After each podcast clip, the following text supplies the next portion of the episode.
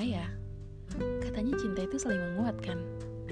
Katanya juga cinta itu saling memberi, bukan cuma sekedar menerima.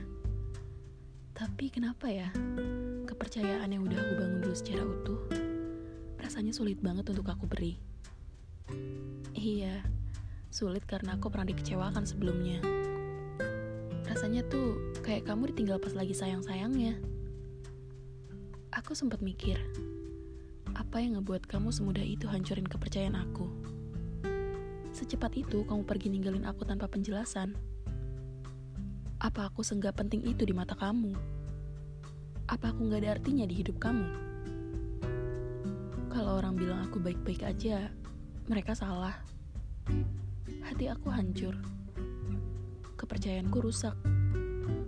Aku butuh waktu untuk membangun kembali pondasiku yang udah kamu hancurin dan tinggalin gitu aja. Tapi, makasih ya. Berkat kamu, aku jadi belajar. Belajar selektif untuk kasih kepercayaan ke orang lain.